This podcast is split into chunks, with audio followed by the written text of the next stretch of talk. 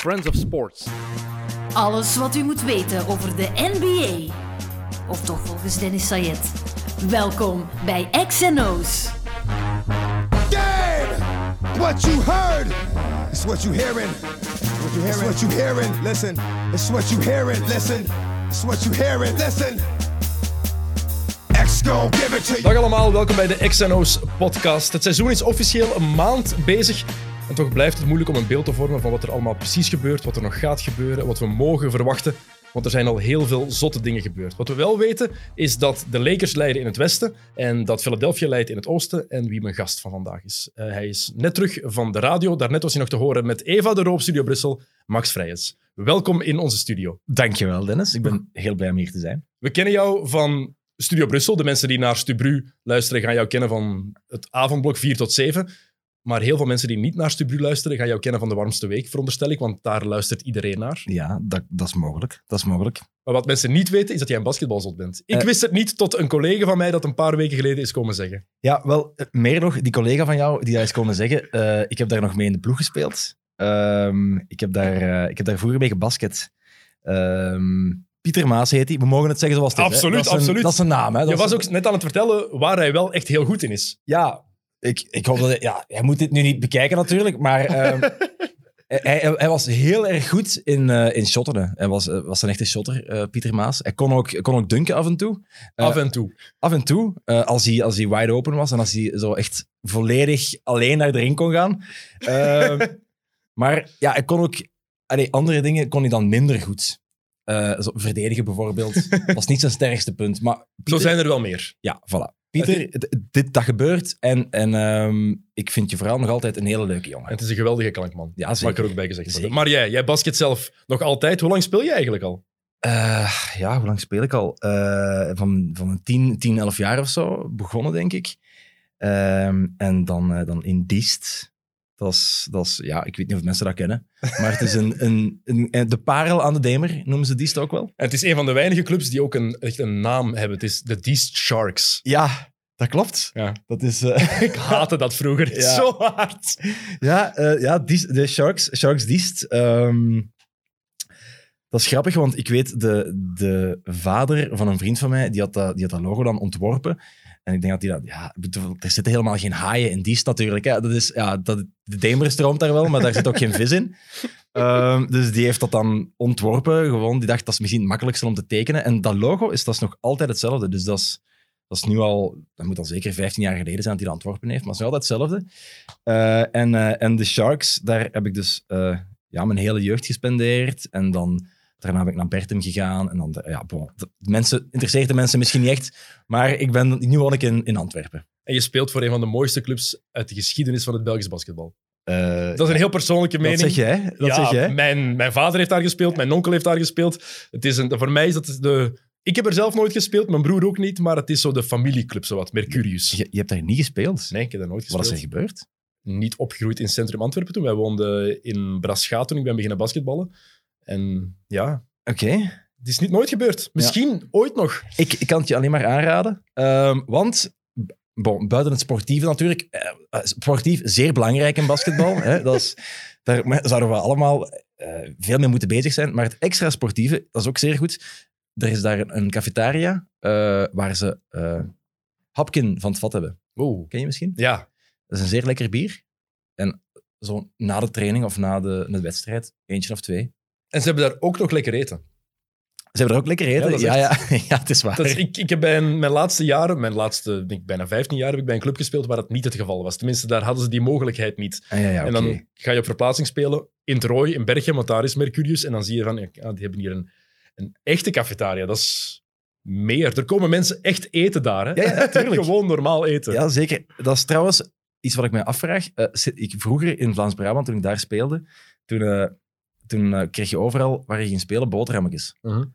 En, en toen ik naar Antwerpen kwam, ja, toen, toen kreeg ik die niet meer. Wat? Ja. Maar jawel. Ah ja, nee, maar bij, dus... ons, bij ons zijn er altijd boterhammen. Of waren er altijd boterhammen. Dat is waar.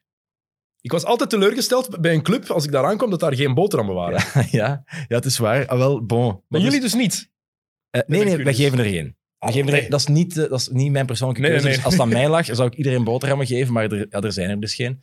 Maar dus bij deze is dat misschien ook is een oproep aan alle Antwerpse clubs om toch terug boterhammetjes te Maar ik moet geven. wel zeggen, echt, ik ken 95% van de clubs waar ik tegen gespeeld heb, daar kreeg je echt wel iets na de match. Ah, ja. Altijd. Ah, Dus ja. het, is een, Dus, je hebt, het is een uitzondering in mijn Oké, het, het is een traditie die misschien verloren gegaan is. Hè? Terug, terugdoen, terugbrengen. En Ja. ook iets deftig opsmeren. Veel preparé. De preparé-boterhammen zijn altijd direct weg. Ja, ja, dat is, dat is Ja, dat waar. is waar. hè. Jonas Ja. zit hier trouwens even om de, om de opname te leiden. Jonas, jij weet dat ook. Ze zijn altijd Ja. direct weg, die preparé-boterhammen. Ja, dat is zo. Ja, kaas ook. Ik vind kaas ook wel goed. Ja, na de ja match? zo, na de match. Ja, kaas. Ik had ook altijd zo één ploegmaat die dan, dat dan plezant vond om dan zo drie boterhammen direct op elkaar te pakken. Dus dan eigenlijk zes en dan van, ja gast... Ja. En die kreeg dan geen pas meer de, de match erna. het was beter dat we die sowieso geen pas Ah, ja. gaven. ik kan hem niet met naam Bij noemen. deze, je, je weet waarover het gaat. Ploegmaat die altijd alle alle Ik boterhammen denk niet dat hij het weet. Ik denk ook niet dat hij luistert trouwens. Maar goed, wat voor speler ben jij zelf? Goh, ja. Altijd moeilijk, hè? Die Ja, dat vraag. is, dat, dat is een... ehm, Op dit moment, want je evolueert als speler, hè? Mm, mm. Ehm, ja, bon. Goh, moet, ik, dat nu echt uitleggen? Wat voor, Ja, een speler, mag. wat voor een speler ik zelf ben? Eh, ja, ik weet niet hoeveel boodschap dat, dat, dat de mensen eraan hebben. Maar bon... Het ehm, is handig om te weten, om te zien hoe jij andere spelers evalueert, Ja. vind ik. Oké, ja, dat is waar. Eh, ja, eh, laat ik zeggen dat ik vooral altijd heel defensief, een heel defensieve speler, zo, zo garbage, echt wel garbage player. Maar ik, ik kreeg wel altijd veel minuten, Mhm. Maar ehm, ik vulde die ook wel redelijk ja, vuil in. Allee, zo het, eikeltje op het veld? Oh, ja, mensen die ooit tegen mij gespeeld zullen hebben, die zullen dat waarschijnlijk wel zeggen dat, dat het zo is. Ehm, Mensen die tegen mij gespeeld hebben, zeggen dat met 100% zekerheid. Dus ik kan je dat even al meegeven. Ja, Dat is allemaal niet zo erg. wel. Ah, tenminste, dat is, ik zie dat zo. Dat is op het veld. Je bent een andere mens, je wil winnen, je bent competitief. En vooral, je wil er alles aan doen om te winnen. Oké, er zijn grenzen, dat is logisch. Hè? Maar op het veld word je toch effectief een andere mens. Zeker als je dat competitieve begint te voelen. Voilà, dat is ook ja, dat is zo. En, en eh, daarboven, ik ben misschien ehm, ja, eh, technisch eerder beperkt. Allee, dat, is nu, dat is nu onnozel om over mezelf te zeggen, maar ehm, misschien niet het grootste offensieve talent. Ik zal het zo zeggen. Ik kan wel, bedoel, als het gevraagd wordt, zal ik wel eens een, een pot maken. Maar ehm, ja, defense, dat kan je altijd. Mhm. Snap je? Dus je, je kan altijd vechten voor je ploeg en je kan altijd een andere speler stilleggen en dan ga je altijd spelen. Dat is moeite doen, hè? Voilà, dat is moeite doen. Vaak is moeite doen. Laten we het zo zeggen. Ik, eh, laten we even al deze, wat er net gezegd is, gewoon terug rewinden en laten we zeggen gewoon dat ik een, een groot hart heb als speler. Oh, dat is mooi. Kijk, dat is mooi. Ehm, iets heel belangrijks, tenminste sinds vorige week heel belangrijk. Je speelt in het paars. ja, dat is zo. Mercurius. Dat We, is we hebben een podcast opgenomen vorige week met Frederik de Bakker. Ja. En we hadden een discussie. En hij vindt groen geen basketbalkleur en paars nog minder. Ja, ah, dat is nu... Ik hoop nu dat mijn, eh, dat mijn voorzitter dit niet gaat... eh, Eh, de voorzitter heeft daar niet voor gekozen. Die kleuren waren er al toen mijn pa daar speelde. En mijn pa is daar begonnen in de jaren 60. Ja, maar dus Eh, Voilà, ik ga, even, Voilà. Ik, ga de, ik ga de vraag even terugkaatsen. Wat vind jij van het paars van Mercurius? Want ik moet... ik ben geen fan. Ik zal het zo zeggen. Ik vind het, het... Er kan... Nee, ik ben gewoon geen fan. Nee, ja, dus ik ook niet. Oké. En dat is, ehm, dat is lastig. We hebben nu wel net nieuwe truitjes gekregen en die, zijn, die, zijn, eh, die zien er goed uit. Alleen, ze zijn zeer paars. en eh, en ja, ik vond dat toch altijd... Ik, ik, ik vind dat niet zo mooi. Ik vind dat niet zo mooi. zeer paars Ja. is dat heel goed uit. Hele Ik denk dat er heel veel. Antwerp-fans zullen zijn die dit heel graag horen. Ehm, nee, ja, ja, nee, ik vind het ook niet mooi. Maar ik ben, ik, allee, ik ben dan weer wel eerder, eh, als het op voetbalgebied aankomt, eerder Anderlecht genegen. Dus ik kan me er dan wel zo wat in vinden dat, dat het dan paars is. Want ja, ik dat is dan ja, toch ook de club van mijn pa. Dus, Ja. allee, ik, ik, weet, ik weet toen ik daar in, in mijn jeugd eens ging spelen op Mercurius, dat de supporters dan, dan riepen. want Daar is, ik denk dat ik toen bij de Pupillen daar eens een, een fantastische match gespeeld en dat de supporters dan zeiden. Juist een naam, verkeerde kleur, jongen.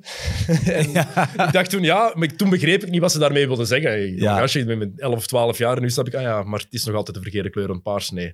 ja, dat is zo. Is groen dan wel een sportkleur voor jou? Is dat wel een basketbalkleur? Want trouwens, paars, als je denkt aan het past niet. Er zijn wel ploegen geweest die in mooie. Ik heb het hier ergens opgeschreven. Waar, in welke ploegen hebben er mooie paarse shirts gehad? De Suns van de jaren 90 bijvoorbeeld. Fantastische shirts. De Toronto Raptors, Met, die, met die Raptor nog op. Vond Ja, ik ook fantastisch. De Lakers in de jaren 80. ook cool. Tuurlijk. Dus Ja, ja. het kan wel graaf zijn. Nee, zeker wel. Ehm, ik denk dat er heel veel mooi... Maar ja, dat is dan purple en gold ook. Hè? Dus ja, ik denk, dat je, ik denk dat je paars moet combineren met iets. Ik denk dat dat de grote fout geweest is. Ik denk dat je, als je, als je paars mooi wil maken, dan heb je er andere kleuren bij nodig. En eh, niet groen. Dat kan ik... Maar dat- groen op zich. dat kan ik wel zeggen. Is groen een basketbalkleur? Bijvoorbeeld de oude shirts. Hebben we het vorige Ja. week over gehad van de, de Seattle Supersonics. Ah, wel, dat heb ik nu toevallig gehoord. Eh, ja, Dank de Sonics. Maar bon, de Sonics zijn ook zo ongelooflijk cult. En dat is, dat, als Sean Kemp, Gary Payton, Detlef Schrempf, dat zijn, dat zijn de, de Sonics die tegen, die tegen de Bulls uitkwamen in, eh, in de finals. Ja, dat was een, dat was een, dat was een zalige ploeg, hè. Dus ja, op die manier. Maar ik denk dat je het misschien met een, je moet het met een, eh, met een emotie kunnen, kunnen linken. Vind je dat? Want als ik kijk naar... De, ik ben nooit een Boston Celtics fan geweest, bijvoorbeeld. Maar ik vind die shirts wel iconisch. Ja, en ik vind die ook echt mooi. En ik vind dat groen daar perfect bij past. En het, zeker in combinatie met de parket die ze daar hebben. Want dat is de enige ploeg die dat soort vloer heeft. Ja, Dat klopt helemaal. En ik vind dat groen net... Ja, ik, vind, ik heb het daar wel voor. ja, dat is prachtig mooi. Maar dan moet je misschien een andere vraag stellen. Dat is, ja, hoe belangrijk is mode als je, als je basketbal speelt? Tegenwoordig belangrijker dan Ja, en belangrijk. Als je kijkt naar de shirts die er nu zijn, elke ploeg heeft zes, zeven 35, verschillende shirts. Het- ja, het is niet het is normaal, hè? Nee, dat is wel zo. En, en, eh, oh, en er zijn die, die shirts geweest. ehm, zo die, Oh, die- echte, die, strakke, die strakke shirts met de mouwkes. Zo. Die de Cavaliers hebben gedragen toen ze de, de, de titel ja, hebben ja, ja, juist. Ja, ja, ja. Ja, nu je het zegt, die, vi- die vielen eigenlijk nog wel mee. Allee, die, van, die van de Cavaliers, Omdat oké die wel. iconisch zijn geworden door die matchen. Voilà, voilà. Dus Dus, ja, daardoor. dus het is toch belangrijk welke emotie dat je eraan, dat je eraan kan, eh, kan verbinden dan misschien. Wat vind jij de mooiste shirts die jij je herinnert uit het, je NBA, uit het NBA-verleden? Want er zijn er zoveel geweest. Goh, Want je man. kan, je kan kiezen de classics bijvoorbeeld. Ik zal de, Ja, de, de- de Bulls uit de jaren Ja, de- 90 zal ik altijd fantastisch ja, de, vinden. pi- de pinstripe eh, bulls. Zo. Ja, Ja, die, zijn toch wel, die zijn toch wel heel cool, niet? Ik, ik weet het niet. Ja.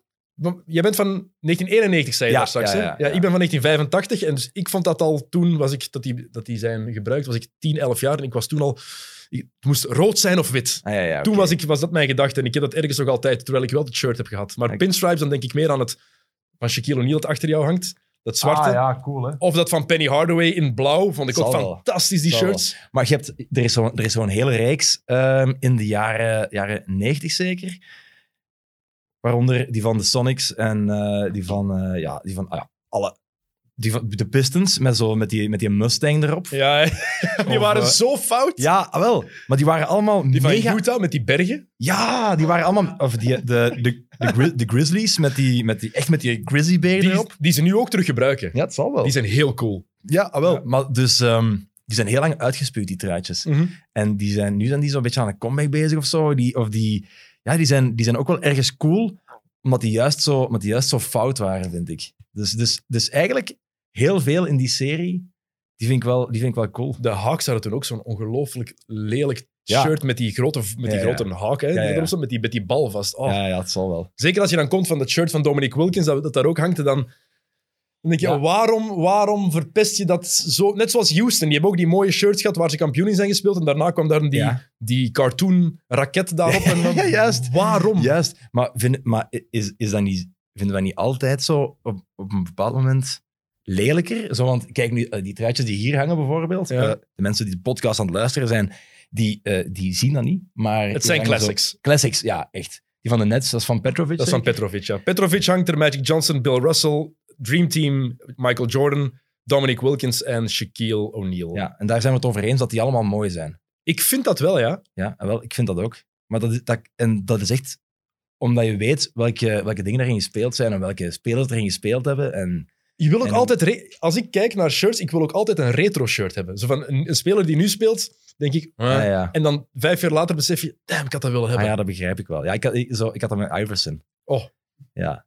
Zalige speler toch, hè? Oh, fantastisch. Oh, Fantastisch. echt groot. Ik was zo'n grote Iverson. Is het fan. Ja, ja, echt. Dat was ongelooflijk. En, en ehm, ik was toen... Ja, want Iverson was hoe groot? 1,80 meter of zo? Of, of Meter, meter 80. De- de- Ja. niet, zo, het Ja. zal niet veel groter zijn, Het zal inderdaad. zoiets geweest zijn. En eh, ik, was, ik was 15 of zo. Ik was ook zo nog geen meter 80. Ik dacht van, oh ja, wauw. Je kunt dus eigenlijk, als je maar een meter 80 bent, dan kun je ook zo'n goede speler worden. Dus dat, dat is zo... Dat vond ik ook wel cool. En Iverson had zo... die, had- die had zo toch alles. Hè. En die Allee. heeft ook, ja, Iverson en vooral, het was dan een kleine speler, maar als je keek naar die zijn armen, dat was, was niet normaal. Die Hmm. had zo'n ongelofelijke wingspan. En wat Iverson helemaal speciaal maakt, één zijn manier van spelen. Het was iemand, want het wordt heel vaak gezegd, ik- Erik Goens is bijvoorbeeld ook een gigantische Iverson-fan. Hij zet Ja. Jordan op één, omdat hij zegt, ik kan niet anders. Maar eigenlijk, als hij eerlijk is, zou hij Iverson de beste speler aller tijden eh, noemen. Pound Met- for pound. Ja, met, met overtuiging hè, en argumenten voor hebben. Van toen de finals nooit de juiste ploeg had, maar had, had je Iverson de juiste ploeg gegeven, had het ook niet gewerkt. Dat was dat soort speler niet. Die moest alles doen. Ah, ja, Zo tuurlijk. was die gewoon. Ah Ja, die wilden ook gewoon alles doen. Voilà. Ah, ja, ja. Nee, ja, en, en ik denk ook dat die... Ze hebben daar dan spelers bij proberen te zetten en zo. Ik denk dat, ik denk dat eh heeft Mutumo, Mutumo er nog op het einde nog, nog Ze hebben de finals gehaald met Mutombo, maar die ploeg was toen Eric Snow, Eric Snow. Derek Oh, ja. McKee, ehm, James... Nee, niet James Jones. Een, een Jermaine Jones, een Matt Geiger Ja, zat daar toen. Eh, die Kemba Mutombo zat daar, want die hebben ze getrade voor Theo Radcliffe. wat een ongelooflijk lelijke ploeg George eigenlijk, Lynch, Toch? George Lynch. Wat een lelijke ploeg. Amai. Ja, Matt Geiger, als je, die gewoon, als je die gewoon, mensen die Matt Geiger niet meer kennen, het is de finals van 2001, gewoon even googlen. Matt Geiger. Ja. Dan weet je genoeg eigenlijk. Het is Ja. een grote blanke gast, kaal en Ja. veel kon die niet. Nee? nou ja, nee, die was groot, toch? Ja, die was Ja, groot. voilà. En daar, en daar zet je daar dan Allen Iverson bij en dan had je daar de finals mee. En dan misschien... Maar ja, bon, zet Iverson in een ploeg zoals de Lakers hadden, gaat hij ook naar de finals. Ik weet het. Ik denk dat die dat... Dat was ontploft. Iverson was iemand die zoveel alleen wilde doen en ook op het veld zoveel alleen deed. was zijn manier van spelen. Want hij heeft betere ploegen gehad. Hè. Kijk, die ploeg die hij in Denver had. Ja, dat is waar. was echt een goede ploeg met Prime Mello. En dat werkte Ja. niet omdat het Iverson was. En daarvoor werkte het wel met Chauncey Billups. Prime Mello was nog zo een natuurlijk. Die zo heerlijk was. Ja, ook heerlijk, maar ook toch... Ja, Hangt Mel- ervan af waar. Je hebt Prime Denver Mello. Je hebt Prime New York Mello. En ik vind dat twee compleet verschillende spelers. Ja. Die van bij Denver vond ik fantastisch. toch ook een, had toch ook een groot ego. welke welke NBA-speler heeft dat niet? Buiten Clay Thompson. Clay Thompson is volgens mij de enige NBA-speler zonder ego. Ja, wacht, laat, me even nadenken. ik ben Eh, heel benieuwd wat er nu gaat komen. Want er, er zijn, zijn er opties eigenlijk. Maar ja, bon. Ik denk, als we het over het verleden hebben, dat Eric Snow... ik denk dat hij niet zo'n groot ego had. Wacht, ik zal het anders zeggen. Een, een all-star zonder ego. Eric Snow was alles behalve een all-star Ja, natuurlijk. Dat is waar, ja. Die was nuttig. Kon wel maar- verdedigen. kon wel verdedigen. Had een groot hart. Had een groot Had inderdaad een heel groot hart. Ja. Eh, trouwens, over truitjes gesproken. ehm, moest ik ze nog even vermelden, zeker. Heb je de paus gezien? Die het shirt kreeg van de Atlanta Hawks. Eh, nee. Het is- het Ik vond, ik vond Nee. dat waanzinnig. Gewoon kon daar niet goed bij. Dus het was Martin Luther King Day, ja, ja. maandag. Ah ja, ik heb het gezien. Ja, ja, ja. ja. Met, met zwart, het zwarte truitje dan. Was Of het wit met goud, denk ik. Was het wit met goud? Ik denk dat het wit met goud was. Het was alleszins het was een mooi shirt. Maar hoe hij dat uitpakte en dan... Waarom, waarom stuur je dat aan de paus? is ik kon daar niet aan uit. Ah, het was gewoon opgestuurd. Ja, ja. Er, was, er was niemand daar om het af te geven. Nee, het is, het is corona, hè? dus Ja. ja. er kan al niemand gaan. Het was effectief opgestuurd en je zag je dan een filmpje dat hij het opende en dat liet zien, dat shirt. En, Ja. En wat doe je dan als pauze? ja. Ja. Stel je maar eens voor, dat je, opeens, opeens krijg je daar een shirt binnen. Stel je voor dat je, zo, dat je thuis zit nu, op dit moment, en ineens krijg je zo een mijter opgestuurd. of zo. ja, maar toch? Zo'n of, mijter, of maar dan een moet je ook pij. denken, je- een mijter uit... Want het is een shirt van de Atlanta Hawks, hè, dus dan krijg je een mijter uit het een of ander boerengat in Frankrijk, weet ik veel. Maar dat is zo... Makes no sense. Eén, dat is een Argentijn, een voetballiefhebber. Ja, Weet die zelfs zo wie de Atlanta Hawks zijn? vermoedelijk niet. Oké, en is er, is er een soort van, is er een, eh, rationale achter gekomen of zo? Is er, is er een, een uitleg? Martin Luther King Day. Daarom. ja. Om dat nog meer in de verf te zetten, Martin Luther King, Atlanta, Georgia. Oké, maar ja, Daaromtrent natuurlijk. Atlanta trouwens ook een speciaal veld laten, laten maken voor Martin Luther King Day. En dat, Hmm. het was fantastisch. Met die mozaïek in het midden. Dat was echt prachtig. ja, Dus ze hebben het goed aangepakt, dat wel. Maar ehm, ik vond het heel vreemd. Wat ik ook vreemd vind trouwens is... Of nee, ik ga het zo zeggen. Ja, ik, ga het negatief zeggen. Ik, waar ik me compleet aan stoor, dat thuisploegen niet meer in het wit spelen. is dat storend, ja? Ik vind dat wel. Ja. In de NBA, hè, ik vond Ja. dat net altijd een heel mooi gegeven. Een thuisploeg speelt in het wit, of behalve de Lakers. Ja. Dat is de enige ploeg die in het geel mochten spelen. Ja. En de bezoekers hebben een kleur. En nu maakt dat niks meer uit. Ah nee, iedereen speelt in, in elke kleur, hè? Ja? toch? Ik vind dat vervelend. Ah ja. Ik vind dat jammer. Ik vond dat, ik vond dat een mooie traditie. Is dat, is dat belangrijk voor jou, traditie in zo? In... Ja, ik begrijp het wel. Soms, ik ik weet het niet. Ja. Ik, ik, vond, ik vond dat iets hebben. Ja, ik begrijp het wel. Ja, maar ja, aan de andere kant... ehm, dat is voor, voor modeontwerpers ook wel... ook interessanter natuurlijk, dat ze nu ja, zoveel mogelijk shirtjes kunnen ontwerpen als ze, als ze willen. Het is, En- alleen maar interessant voor, het is alleen maar interessant voor Nike uiteindelijk. Ja, dat is zo. Allee, Ja. Nike verdient zoveel. Ja, het zal wel. Ik, waar ik trouwens ook van schrik nu. eh, ehm, LeBron speelt nog altijd met nummer 23. Ja. Ging die niet wisselen voor dit jaar? Ah ja, juist. Ja, naar wat ging die gaan? Nummer 6, terug Ja, zoals terug naar zijn. Olympic number en zijn eh, Miami nummer. Ja, En hij ging 23 aan Anthony Davis geven. Het is, ja, vorig jaar kon het niet. ja juist. het was te kort dag en Nike had al te veel ontwikkeld. Juist, juist. Maar- Zou dat gewoon een business de- decision zijn waarschijnlijk? Toch?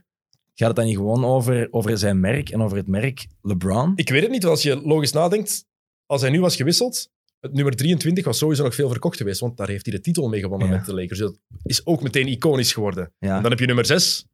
Maar ik vind, ik, ik vind dat ook... Ik, ik, ik snap het ook niet altijd, zo die, die wissels van truitjes. Allee, want hij is dan naar zes gegaan toen hij naar Miami ging. Dan is hij teruggekomen naar, en is hij naar, naar Cleveland teruggegaan, terug 23. En nu terug 23. En is dat... Want soms is het misschien ook een soort van marketingzet. Sowieso. Toen Ah, bij ja. Cleveland heeft hij, het, eh, heeft hij de supporters laten kiezen op zijn ehm, Twitter-account en Instagram-account. Die hebben toen mogen beslissen welke nummer het ging worden.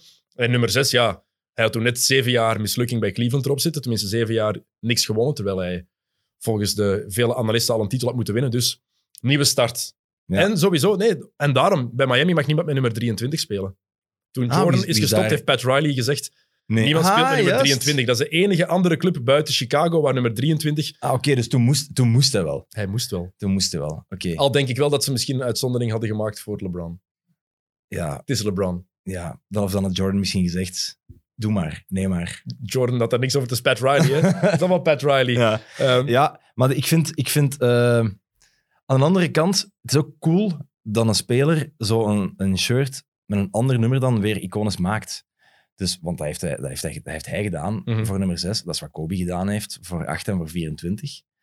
Dus het is, het is, het is alleen cool als dat je dat doet als je zo goed bent, dat je dat nummer ook nog eens extra iconisch kan maken. Het is alleen als je, zo, ja, als je een kutspeler bent en, en, ehm, en je bent eigenlijk niet goed genoeg, maar je denkt van, oh, ik ga toch eens veranderen. En niemand merkt dat op. Dan is het eigenlijk, dan is het lullig eigenlijk. dat is heel zielig gewoon. Ja, ja, maar ik denk, ja, als je, als, als je dan toch zo goed bent... Allee, bijvoorbeeld, ja, Jordan, Jordan zijn 45 is eigenlijk ook iconisch. Helemaal. Maar ja, Dat hij daarmee gefaald heeft ja, eigenlijk. voilà. En het Dus- verhaal dus- daarachter is ook mooi. Ja, Ik wil ja, niet met ja. 23 spelen voor mijn papa. Voilà. Voilà. De enige speler die ooit van de ene match op de andere in dezelfde playoff-series heeft kunnen zeggen ik ga terug naar 23. Juist. Ik ga terug naar mijn oude nummer. Juist. Betaalde boetes wel. Voor hem maakt dat toch geen, geen rol uit hoeveel boetes hij moest Juist, betalen. juist. Weet je trouwens waarom Kobe 24 heeft gekozen destijds?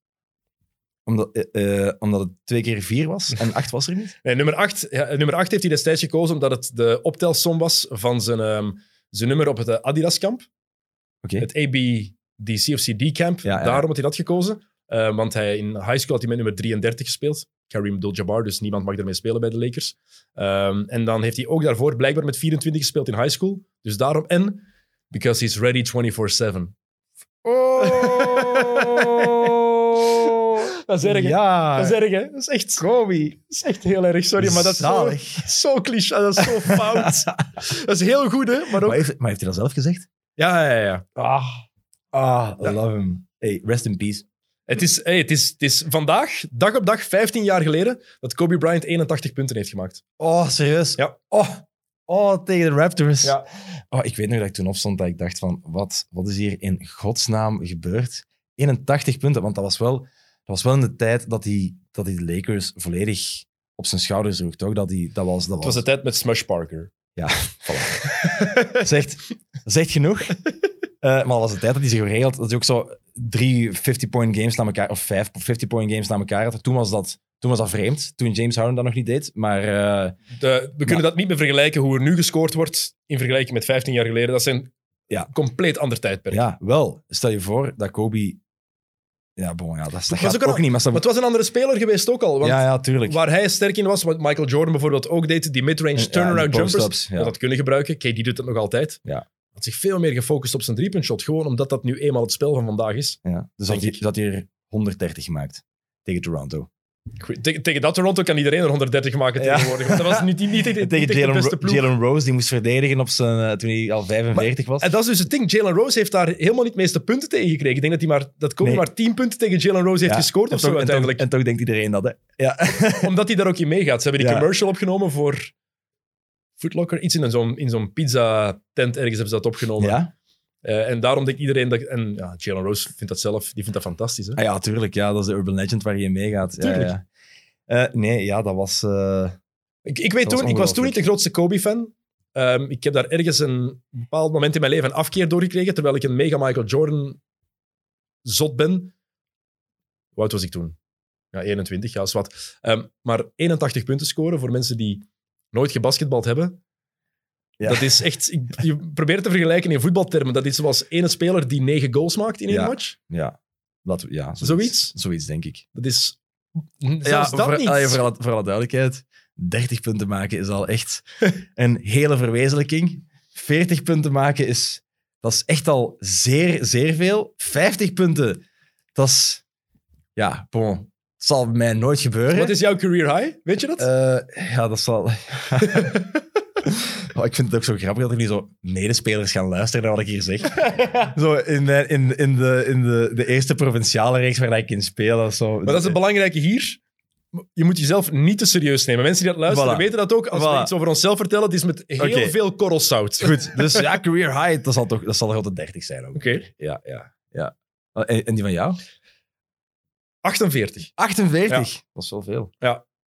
Kijk, ooit is, ooit is het goed geweest. Maar bon, ik het is neem- snel ik- bergaf gegaan, hè? Voilà, en ik neem het ook niet te serieus. Dus. Nee, het, het- ook, Nee, niet, ja. ook niet nodig, hoor. Echt, echt niet nodig. Nee, nee, nee. Totaal niet. Het niveau was ook niet het niveau... ehm, Zoals het nu in de NBA is. zoals het nu in, in derde klasse is, Eh, in tweede klasse is, in eerste klasse is. Zoals dat alleen al. Maar in de NBA helemaal. En Kobe toen, 81 punten. Ja, speelde tegen een ploeg met Maurice Peterson, met Jalen Rose, de jonge, Chri- jonge Chris Bosh die daar toen nog zat. Ja, ja, ja. Maar 81 punten. Enkel Will Chamberlain heeft het ooit, heeft ooit beter gedaan, Ja. 100 punten. Maar die gast was, dat was een reus die speelde met dwergen, letterlijk. Ja, ja, en die sprong op een trampoline eigenlijk. Hè? Allee, of bon, zo Ja. leek het toch. Want het was Shaquille O'Neal, maar dan in een tijdperk dat er allemaal... Wilt de stilt. Ja, Bill Russell liep rond. Je had Oscar Robertson, je had goede spelers wel. Maar vooral waren het smallere, blanke mannen die Ja, niks konden doen tegen zo'n gast. Ja, grappig eigenlijk. Hè? Als je zo naar beelden kijkt van de jaren 50, dat lijkt zo. Dat is, dat, want dat is ook zo. Dus dat lijkt of die niet kunnen dribbelen. Ehm, en Kop in de grond, hè? ja, en ik zal niet zeggen dat ze, dat ze dat ook echt niet konden. Maar ehm, er was wel degelijk een regel toen dat je dus ja, nu. Eigenlijk, als je dribbelt, dan palm je je, hand, eh, je palmt de bal bijna. Hè? Dus je- die komt eigenlijk, Ja, ja, ja. komt eigenlijk bijna zo. Terwijl toen mocht dat niet. En je mocht, ook, je mocht, die ook, eh, toch, je mocht hem niet in je, in je hand eh, hebben eigenlijk. Dus je moest, moest zo dribbelen. Dus eh, ja, ik ben het nu aan het uitbeelden. Maar, eh, Met de je platte hand naar beneden. de platte hand naar beneden dribbelen. En eh, voor de mensen die al eens met een bal gedribbeld hebben, dat is, Vreselijk. dat is feest. Dat is moeilijk. Dat is niet, niet, niet aangenaam. Bob Cousy is de eerste die dat een beetje veranderd heeft. Ja, ja. Die een beetje balhandling is beginnen tonen. Maar hij was wel de uitzondering om de regel in die periode. ja, het zal wel. We gaan een beetje kort door de bocht natuurlijk. Want als we kijken naar de Celtics van de jaren 60, de, de Sixers, Warriors, er waren goede spelers daar. Maar als je dat vergelijkt met de balhandling die er nu is. Als je naar een Kyrie Irving bijvoorbeeld kijkt. Ja, Wat voor rare dingen hij ook doet naast het veld. Maar wat een ongelofelijke tovenaar die gast is met een bal in zijn handen. ja Kyrie is echt wel ongelooflijk. Dat is niet normaal. Dat is echt wel... Allee, ja, bon. Als je al met een, met een basketbal gedribbeld hebt, dan eh, weet je ook wat die kerel aan het doen is. En dat is echt... Dat is, dat is niet normaal. Hè. Die, dat, is, dat, is, dat is een jojo. Hè. Mhm. dat is, die, die houdt die bal... Die, die, plakt aan, die plakt aan zijn hand. Het, zit er, het ziet er op televisie al waanzinnig uit altijd. Maar als je die gast ook in echt ziet spelen. Ah, je hebt het al gezien. Ik heb hem drie keer live gezien. De finals van 2017 en dan twee jaar daarvoor eh, ben ik naar Chicago geweest en Cleveland speelde toen in Chicago. Oké. En gewoon die zijn, de manier waarop die opwarmt, de manier waarop hij dribbelt alleen al is iets. Want ik heb Stephen Curry zien opwarmen, dus die typische Steph Curry opwarming. Letterlijk van de afstand dat wij nu zitten, heb ik daar naar kunnen kijken. Dat is redelijk betoverend. En toch heeft Kyrie iets waardoor je. Ja, waar dat het zuigt je echt naar hem toe. Je wil daar naar blijven kijken. En je snapt niet hoe dat komt dat hij inderdaad, zoals je zegt, zo aan een jojo hangt. Ja, Het, is het ziet er te gemakkelijk uit. Dat is het. Het is te gemakkelijk voor die gast. Ja. En het lijkt ook alsof hij de bal nooit kan verliezen als hij dribbelt. ja, en het is ook een absolute cultfiguur natuurlijk. Ja, nu helemaal. Ja, die, ja waar heeft hij weer gezeten? dat was, ja, was op, ja, was op een... eh, iets met zijn, iets met zijn trouwfeestachtig of zo. Het en verja- dan was ver- hij- 30ste verjaardagsfeest van zijn zus.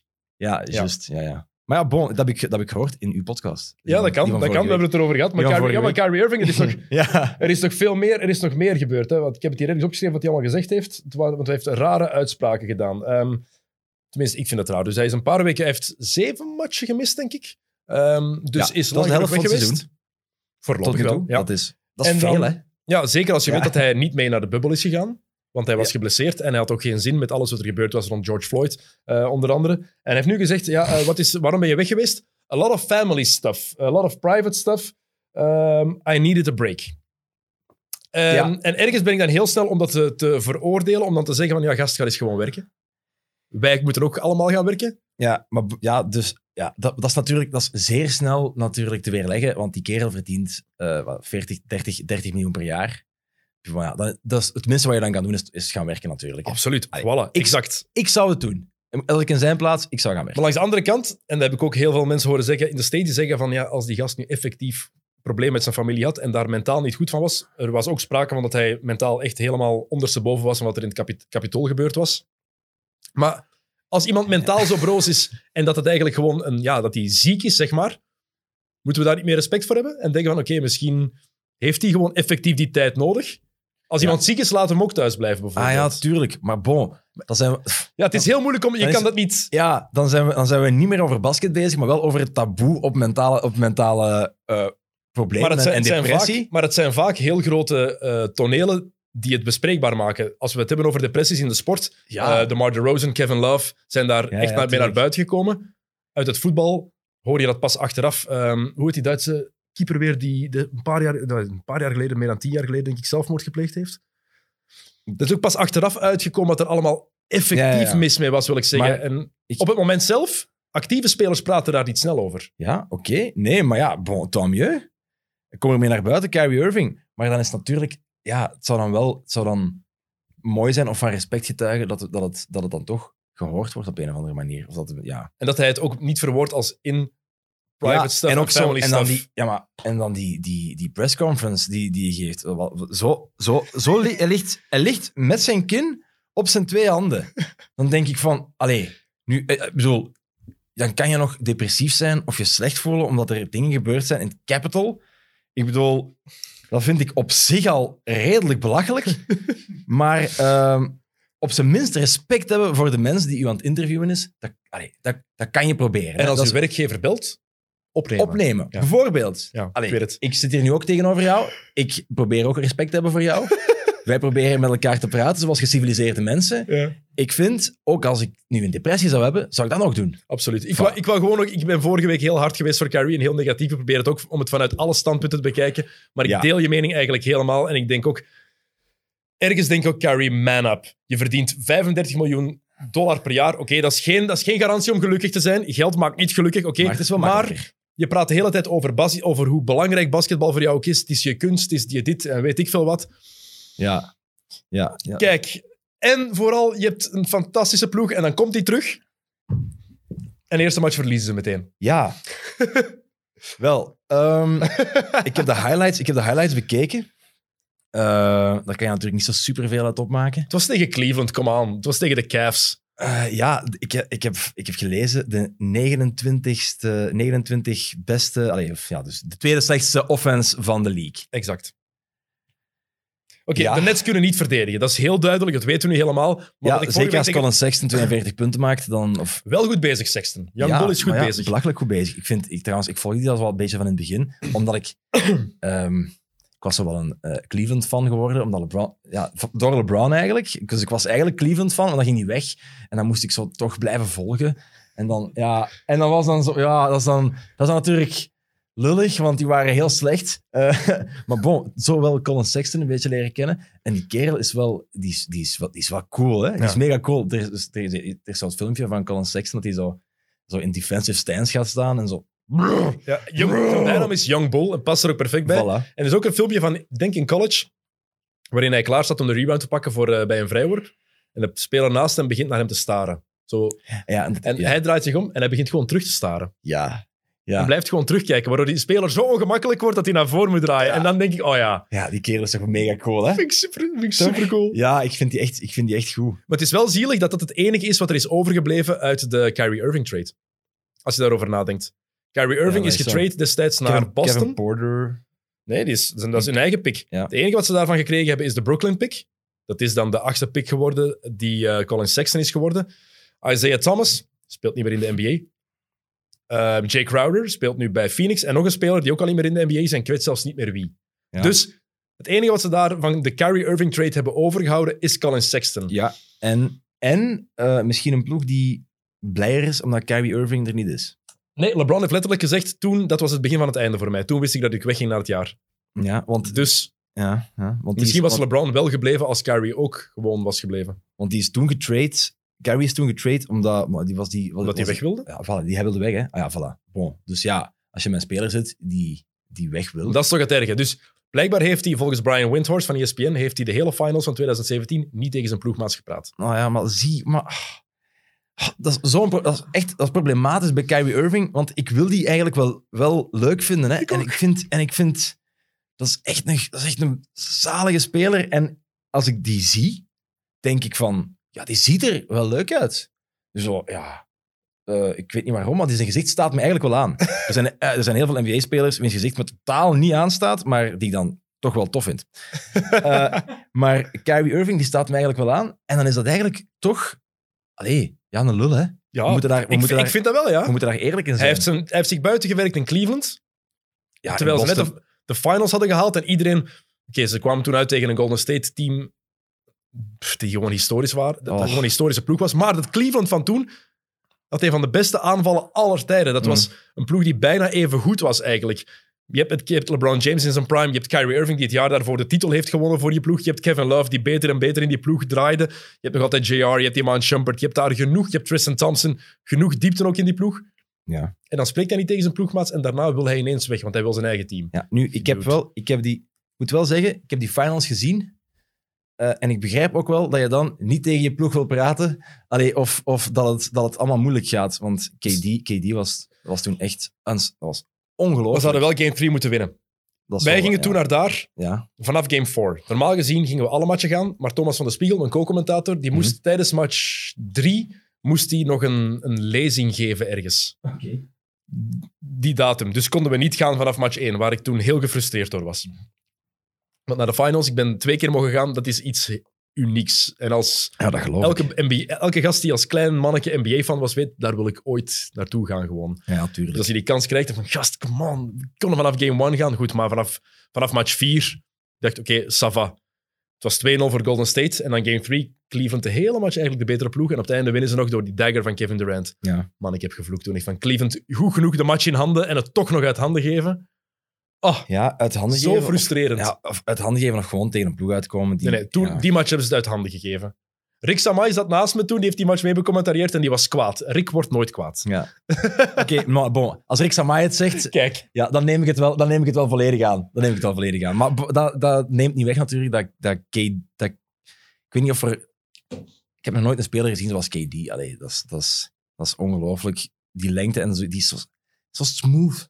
Mhm. Die is zo, zo vloeiend allemaal. Die kerel, die shot precies alsof dat is... Dat is ja, ik weet niet. Dat een, een, was nu een goede analogie aan het, vinden, aan het zoeken en ik, ik kwam alleen maar op een gladde druif uit. Maar dat, dat, is, niet, dat is, dat, is geen, dat is geen manier om basketbal te beschrijven. Nee, hè. zeker niet iemand Nee, als ja. Kevin Durant die zo, zo historisch bedoel- goed is. Het is gewoon zo, dat is allemaal zo glad, dat is allemaal zo, zo precies, dat is volledig effortless. Ja. Ja, dat Maar dat echt is ook zo. Ja. Dat is ook zo. En die gast is, die is echt 2 meter 14. Dat is een seven-footer die... Ik denk niet dat er ooit nog iemand zo gaat komen. Kevin Durant is echt uniek.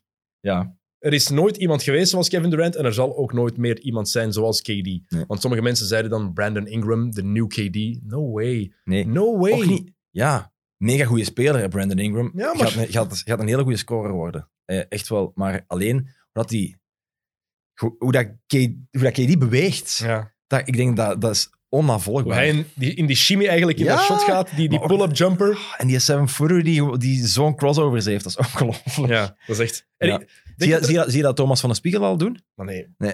Zeg het wel, waar. we zijn er toen naast gaan staan. Ik heb dat vorige week ook verteld. En we, we, we schrokken daarvan dat die effectief even groot waren. Denk je dat mensen nu anders naar Kevin Durant zijn beginnen kijken nu hij in Brooklyn zit? Eén, al een beetje uit medelijden na, na die Achillespeesblessure.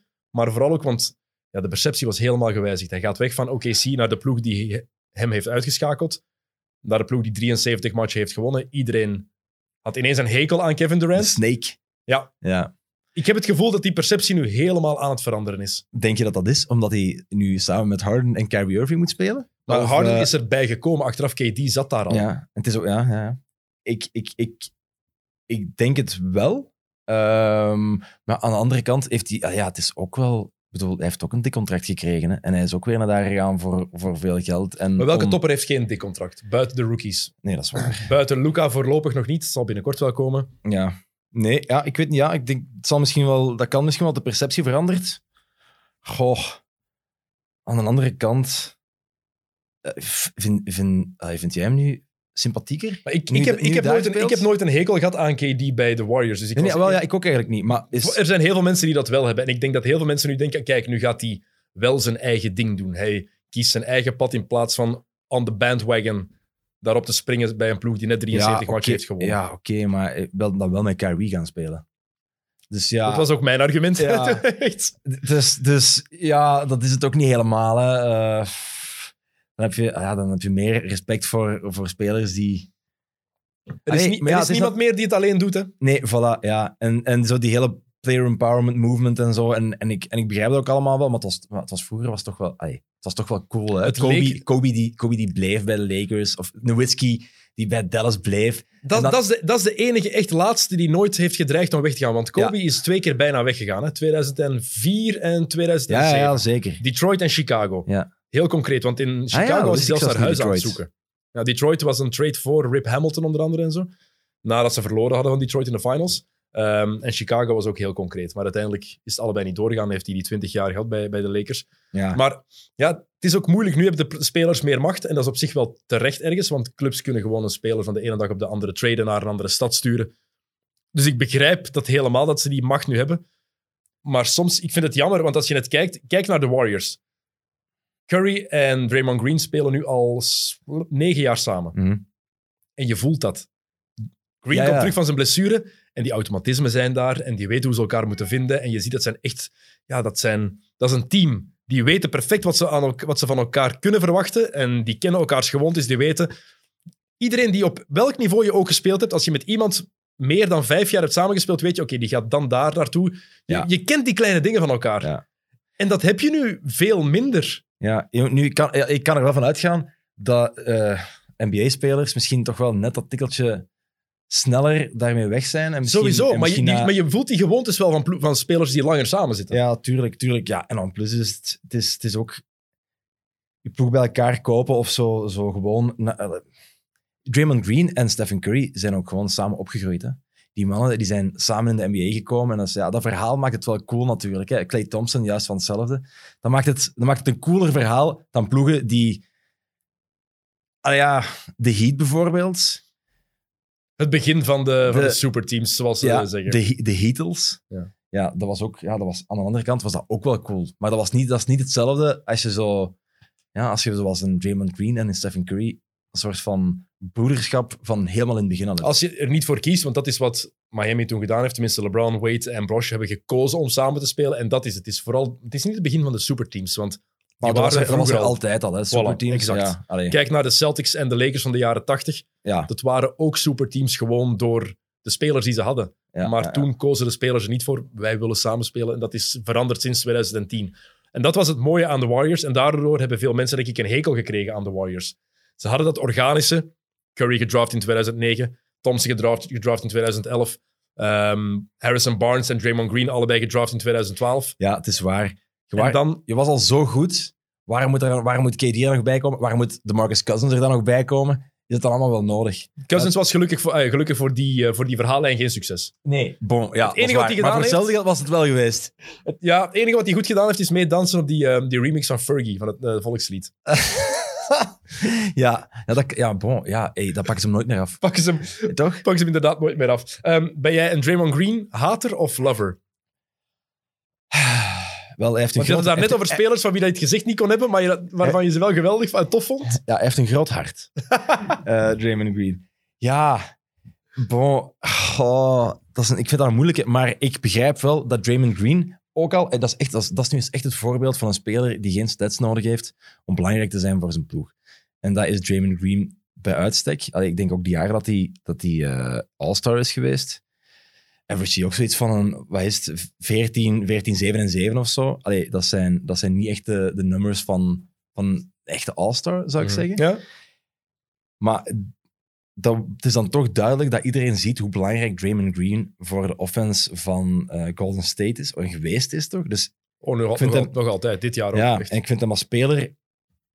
Het is ten eikel, Ah wel, voilà, bon. Het is een eikel, denk ik.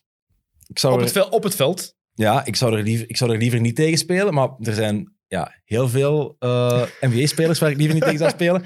Zowat allemaal eigenlijk. Eh, maar puur mijn capaciteiten buiten beschouwing, buiten beschouwing gelaten, eh, vind ik... eh, ja, ik vind ergens vind ik die wel cool. Ook hoe dat, hoe dat hij nu bezig is met James Wiseman. Hoe dat hij echt, echt zo aan het, aan het opcoachen is en daar, daar elke match mee bezig is. En Oh, Wiseman gaat daarvan profiteren. Die gaat Maar daar goed door. mega hard. Oh, oh, oh. Mega hard. mega trouwens- hard. Green heeft vannacht een technische fout gekregen. We nemen dit op op vrijdagavond trouwens, voor mensen die het later beluisteren. Vrijdag de 22e. Ehm, Green heeft eh, een, zijn tweede technische fout gekregen. Omdat hij tegen Wiseman aan het roepen was. Come on. Ja, het is juist. Refs. Ja, dat is natuurlijk ja, dat is nog, dat is nog een ander verhaal. De, de technische fouten en, Ja, de, maar- en, de, en de flagrants die er, eh, die er gefloten worden. Dat is helemaal... En- ja, dat, dat, dat loopt soms de spuigaten uit. Maar Ja. dat Green daar een technische fout voor krijgt... Maar ik vind het ook heel mooi hoe hij die coacht. En, maar ik snap langs de andere kant wel dat de casual NBA-fan, en zeker mensen die nooit gebasketbald hebben, dat die zeggen, Draymond Green, triple single. Triple single, hè. Ja.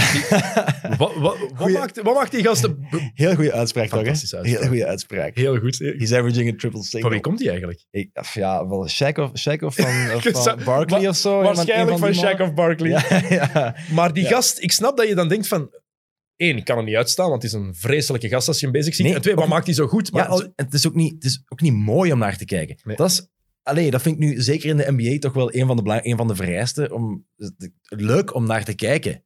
Want ja, allee, ik geef er nu niet echt veel geld voor, maar als je daar gaat kijken en je zit courtside, dan wil je toch graag naar een mooi, een mooi spel of een mooie speler eh, kijken. Draymond Green, ja, is dat niet echt. Hè? Ik bedoel, Maar als je inziet wat hij allemaal doet, dan zie je daar de schoonheid wel van. Ja, ja, Bijvoorbeeld in- op defensief vlak, want je had het over die offense, maar hij is nog belangrijker voor die defense. De timing die Draymond Ja. Green heeft. Hoe hij weet hoe hij op het juiste moment in de paint moet gaan staan om daar te gaan helpen, om in die, die ring te staan, om te weten, om Ik- niet voor het blokshot te gaan, cool. maar te contesten, niet voor die steal te gaan, maar er gewoon Ik zag daar te staan. Ik zeg er inderdaad net ook een, een zo'n analyse over, over dat Draymond Green eigenlijk zonder iets te doen, dat hij gewoon die defense verankert en dat, hij zelfs niet moet, dat je zelfs niet moet verdedigen. Mhm. Dus, dus En hij stuurt het ook allemaal. ja, Hij is zo verbaal, om zot van te worden waarschijnlijk. Ik begrijp dat helemaal. Maar ik hou daarvan. Ik vind dat fantastisch. Ja? Echt. Ik vind dat fantastisch. En in offense ook.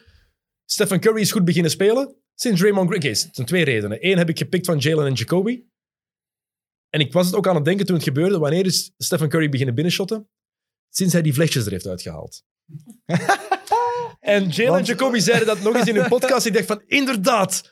En het zijn de braids. Maar- wat, is, wat is de logica daarachter? Is dat het te strak zit. dus dat is het, het, het, bloed, het bloed naar zijn hersenen wordt afgesloten Of gewoon, dat is ambetant. Ik heb vroeger ook, ik heb, ik heb krullen gehad tot op mijn, op mijn schouders toen ik 17, 18 was.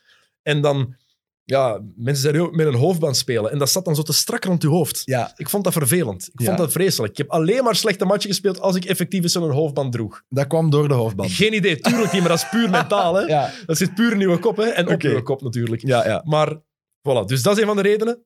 Zo gezegd, de braids van Stephen Curry en Draymond Green. Die is terug en je ziet, daardoor kan Curry, moet hij niet de hele tijd de bal hebben, kan hij roamen, kan hij rondzwerven, waar, kan hij doen wat hij wil. En Green weet bal- perfect wanneer hij naar hem moet gaan.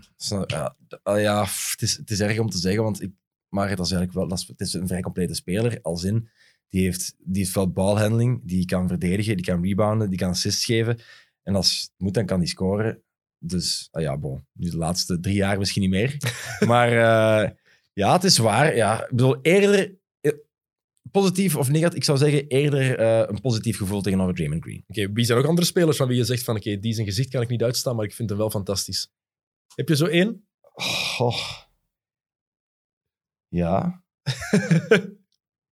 Wacht, hè. Laat me eens even nadenken. Oh, eh uh, Kristaps Porzingis. Ja. Dat begrijp ik. Ja, ah, voilà. Ja, Ja, ja. Ik, ik- ja, dus... Goh. Die, heeft, Die praat ook vervelend. die praat vervelend, die, die, ziet er, die ziet er vervelend uit. En die, die heeft, ja, het- zoals gezegd, is een gezicht dat je denkt van, ja, voor, allee, liever niet. Ik bedoel, hoeft. dat is heel subjectief trouwens, mensen die luisteren of Ja, kijken. tuurlijk. Dat is een subjectieve mening. Nee, nee. Ja, en het is ook echt, ik word nu ik word op de man afgevraagd. Wat, Ja, ja, wat- absoluut. Wie? Het ligt aan mij. Het ligt Voilà. aan mij. Maar dan, en dat is ook niet, dat heeft niks te maken met dat hij Oost-Europeaan is of zo. Hè? Dat is ook, ook belangrijk. Maar eh, ja, gewoon, ja. Ja. Bij wie, wie is dat bij u? Jawel, Porzingis snap ik ook heel goed, eerlijk gezegd. Ik kan me daarin vinden, maar ik vind die, omdat ik, ik vind dat als die fit is, wat te weinig gebeurt, is het een fenomenale speler. Ah ja, tuurlijk. Maar ja, die heeft al... 222 die gast, hè? Ja, dat zal wel. 222, hè? Ja, dat is ongelooflijk. Dat is ongelooflijk. Want die heeft, die heeft, ook, die heeft zelfs nog die heeft zelfs handles. Ja. Die heeft een ongelooflijk driepuntshot. Ja, die heeft ook een driepuntshot dat onmogelijk te blokken is. Er kan niemand blokken. Ja, En die kan inside spelen. En misschien nog een, een klein beetje gewicht nodig. Maar Ja, het begint nu ook, hij moet gewoon gezond blijven, dat is het eerste. Ja. Ik ben aan het denken bij wie ik dat heb of had. Vroeger had ik dat met eh Rajon Rondo. Ik vond Ah, die ja. altijd heel vervelend, maar zeker in 2009, 2010, 2011, toen hij echt de man werd bij Boston. Dat, ik, kan me Ja. de, de ene, ik, weet, vooral, ik was vooral helemaal overtuigd van Rondo toen ik toen, ah, echt helemaal fan van. Heeft zo'n play gedaan dat hij naar een bal duikt en die met zijn vingertippen nog terug naar zich toe trekt in de playoffs. Ik denk tegen Orlando. Of tegen Orlando was het, denk ik. En dat was zo een waanz... Het zag er zo simpel uit, maar dat is zo moeilijk om die kracht in je vingers te hebben om die bal nog terug te krijgen. Ja, En, ja, en dan iets daarna valt hij op zijn elleboog, dat hij zijn elleboog overstrekt en gewoon verder speelt. En, ja. ja, ik vind Rondo een hele coole speler. Het is alleen eh, die... Ook zo cool, dat was een point guard die geen shot kon pakken. Ja. Die totaal niet kon shotten, maar die wel gewoon, ja, triple-double. Die average nog geen triple-double, maar er, die er toch dichtbij kwam. Die was niet eens groot. Pakte veel rebounds. En ik denk, volgens mij, die kerel heeft ook wel, heeft wel handen Ja, die, gigantische die handen. zes keer zo groot zijn als die van mij. Ja. Dus eh, ja, dat is zo. ja, die, want die, die, pal- die een bal. Die, die, ehm, die fake, fake behind the back passes van Rondo was ja, een hele coole speler. Ik ben aan het denken aan wie ik nog... Maar ik, ja, bijvoorbeeld, Irritant dat, vond? wat, ik daar, wat ik daar straks zei, Detlef Schrempf. Ook een speler wiens- van wiens gezicht ik zou zeggen, Detlef. Ehm, b- blijf thuis. Blijf thuis. Maar bon, ik denk wel, allee, toen wel een goede speler. Heerlijke speler. Ja, het zal wel. Daarvoor bij Indiana, ik denk dat hij twee keer Six Man of the Year is geweest. In de begindagen bij Indiana en daarna naar, naar Seattle was hij... Ja, Seattle heeft ook iets. Ja, ik heb met Frederik over gehad. Ik vind het een heel, een heel, nog altijd een heel mythische, mythische club, mythische ploeg. En die mogen, van mij mogen die heel snel terugkomen. Heel snel. Eh, Rondo trouwens nu, die heeft geen probleem met de shotten. Hè? Die zegt van ja, het is nu zo veranderd. Het spel ook, dat die, die pakt ook gewoon zijn shots. Was vorig jaar bij de Lakers zo. Was Ja. nu bij Atlanta zo. En bij Atlanta is er natuurlijk Trey Young. Alles draait rond hem. Ehm er is een beetje kritiek op hem gekomen door Steve Nash. Ehm, that's not basketball. Eh, Young loopt nu heel veel fouten uit dat hij voor zijn man gaat, wat Chris Paul eigenlijk ook heel vaak deed. En dan wacht dat hij ze voelt in de rug. En dan met zijn kont. Ja. Ben- snap, is, is het terecht dat Young dat zo doet? Of heeft Steve Nash groot gelijk van... Dat is geen basketbal. Sorry, dat, Nee. dat is belachelijk. Ah, maar dat vind ik echt zever van Steve Nash. Ja? Want dat is wel basketbal. Ik bedoel, dat is toch gewoon dat is hoe dat je de, de regels. Ja, die mannen zijn gewoon zo goed dat ze de regels die er zijn perfect kunnen uitbuiten. Net zoals James Harden. Ja, bon. Jonas walgt al een Jonas. beetje hier. ik, Jonas, ik zeg het zoals het is. Ja, nee, James Harden doet dat, doet dat ook. Die mag vijf stappen zetten, maar dat is blijkbaar perfect binnen de regels van het basketbal. Ja, en als James Harden dat mag en de rest mag dat ook, ja, dan, dan, dan klopt dat. Hè. Ja, als Trae Young dat doet en die krijgt er een fout over, ja, dan mag dat. Hè. Dat, is, dat is nu eenmaal basketbal, Het toch? is geen foutvak, dat is het probleem. Want je kan op snelheid gaan en dan stoppen en je man in je rug voelen en dan effectief vallen. Maar Young voelt letterlijk... Dat is zoals in het voetbal. Een verdediger die de bal heeft en de aanvaller die druk komt zetten en die verdediger die zich zo laat vallen zonder dat hij nog maar aangeraakt wordt. Altijd is dat een fout. Ik haat dat. En Ja. ik heb dat gevoel ook een beetje van, gast, je voelt hem alleen nog maar ademen in uw rug. Maar ik snap dat je dat haat.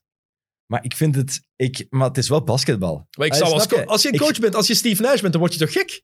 Als je daar tegenover staat. Ah Ja, tuurlijk. Ja, dan wel. Ja, dat is, afschu- ja, dat is afschuwelijk. Ja, tuurlijk. Dat is, ah, tuurlijk zeg ik dan, dat is geen basketbal. Maar bon, ja, in, maar in C klopt het niet. Want ja, het is wel zo. Ik bedoel, als je de regels, als je de regels zo kan gebruiken dat ze in jouw voordeel werken, ja, dan is het basketbal, hè, toch? Dat is, dat is waar, dat is waar. Ik heb hier nog een paar dingen eh, opgeschreven die ik standaard moet vragen aan mensen die hier voor het eerst in onze podcast zitten. Dus ehm, Hou je van paars? hou je van paars? Dat is, dat is al geweest. Dat wordt vanaf, wordt- vanaf nu wordt dat de vraag die ik elke keer ga stellen. En als er een beerschot van tegenover mij gaat zitten, een ander licht van, gaan die meestal waarschijnlijk ja zeggen. Ehm, wat is jouw eerste NBA-herinnering? Weet je dat nog? Oh man, ja, Vince Carter. Ja? Ja, ja, dat is grappig. Dat is eigenlijk nu voor het eerst dat ik daaraan denk. Het zal misschien Vince Carter zijn of, ofwel Michael Jordan.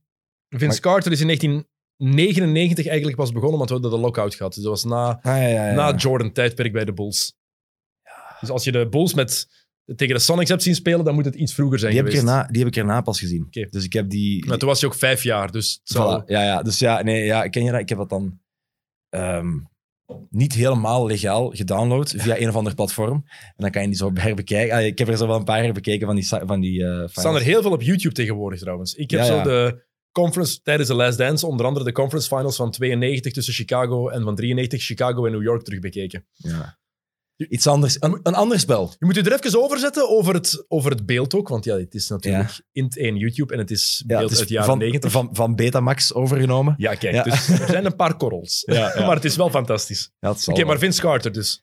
Ja, ik denk dat dat, dat, dat een, van mijn eerste, een van mijn eerste herinneringen was. En dan vooral het dunk contest, veronderstel ik. Eh, ja, ik, nee, dat was de- mijn, mijn buurjongen. Die had, die, had daar, eh, die had daar een poster van, van Vince Carter. Dus ik, ik, dat, is, ik- dat is mijn eerste herinnering zo. Maar ja, de dunk contest van Carter, ja, dat is later, dat is 2000. En, eh, 2000? 2000, Ja. ja. voilà. Ja, tuurlijk, ja. Dat is, in, dat is insane. hè. Meest iconische dunk contest aller de- tijden? ja. ja, ik denk het wel. Maar ja, bon, dat is natuurlijk ook omdat ik... Dat is iets van, dat is iets van mijn jeugd. Ik weet... Ja, je, hebt, je hebt van Jordan... Allee, Jordan, en, Jordan en Wilkins zal, als je erbij was, zal dat ongelooflijk zot geweest zijn. Maar die deden niet wat, wat Vince Carter Nee. daar deed. En Nee. ook die dunk contest, want iedereen praat alleen over Vince Carter. Ja. Steve Francis was daarin fantastisch. Tracy Ja, ja. McGrady was daar ook fenomenaal in, die, in die Juist. contest.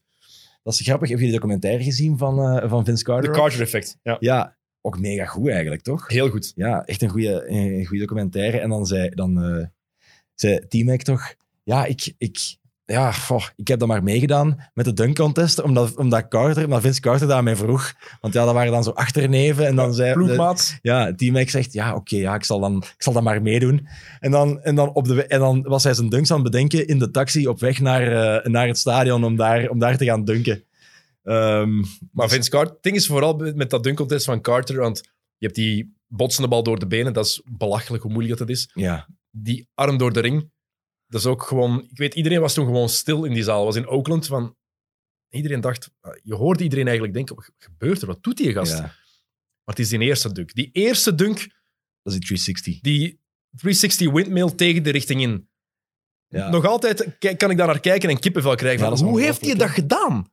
ja, dat is ongelooflijk. Hoe is dat in godsnaam mogelijk dat je dat bedenkt? Ja, dat is maar het is vooral ongelooflijk als je weet allee, hoe moeilijk dat... Het is, al niet, het, is niet, het is niet echt makkelijk om te dunken. Ik bedoel, voor mij zeker niet. Maar voor heel veel mensen is het niet makkelijk om de gewoon te dunken. Het is niet makkelijk om de windmill te dunken. Maar om dan de 360 tegen de richting windmill naar binnen te rammen, ja, dat is, dat is, dat is echt wel dat is, dat is iets helemaal anders. En, en dat is ook, dat getuigt van zo'n ongelooflijk atletisch vermogen. Die kerel, dat was precies ook... we zeiden dat nu net van Will Chamberlain, maar die stond op een ladder eigenlijk. Ja. Maar Vince Carter, die sprong echt op een trampoline. Hè. Dat is, die- hoe dat die- die, wat die over, over die Duitser... Nee, over die Fransman, Duits- Frederik Weiss. Ja, Met Weiss, een Duitse Weiss, naam. Weiss, Ja, ja, ja. Fransman. Maar dat is niet normaal. Weiss. Dat is niet normaal. Als je daar Ja, nu over nadenkt... Allee, dat is... LeBron heeft dat ook gedaan. Over John Lucas III eh, heeft hij zo eens een, een alley-oop. Ja, maar John Lucas III was, was, Exact. was, was zo groot. Ja, exact. Ja, Over een seven-footer. Met gemak, hè. ja Met sprekend gemak. Ja, dat En- was ongelooflijk. Dat is Ja. niet normaal. En ja, Vin- dat dunk contest van Vince Carter, want nu vinden we het allemaal... We zijn ook te hard verwend geweest. Een dunk contest, het kan nooit meer... Want we ah, tenminste, we dachten dat het nooit meer iconisch kon worden. Toen kwamen Zach Levine en Aaron Gordon. Maar na wat zij gedaan hebben... Aaron, eh, Zach Levine heeft een windmill gedaan vanaf de Vrijhoorplein. Ja, Ja. ja, dat is ongelooflijk. ja, maar wat kan, je nog, wat kan je nog doen? Ja, dat is de vraag. hè. Kan je nog, kan je, kunnen nog verder gaan dan, dan wat die mannen gedaan hebben? Ook, een, ook between the legs vanaf de vrijwoordplein, Ja, toch? en die Aaron Gordon die die bal pakt en dan onder zijn twee Onder zijn benen twee steekt. benen. Het is... Ik denk, we, we zouden nu zo eens naar buiten moeten gaan en dan een bal pakken en dan proberen om gewoon zo onder ons twee benen zo een meter omhoog te springen en dan... Of nog eens proberen dunken. Ja. Zonder opwarming. Be my guest. Ja, nee, ben, daar ben ik te oud voor geworden. Vince Carter dunkt op zijn veertigste nog altijd. Of op zijn sokken. Ja, echt Ja. letterlijk op zijn sokken Ja. sprong die gewoon uit stilstand door zijn benen, dunkte hij die bal erdoor. Die was 40. Ja, Allee, dat I is, know. I know. Dat is gewoon belachelijk. Dat is Ja. gewoon echt... Maar ja, dat is toch, dat is, ik, vond, ik vond oude Vince Carter ook heel fijn. Dat was zo... En bij de, bij de Hawks...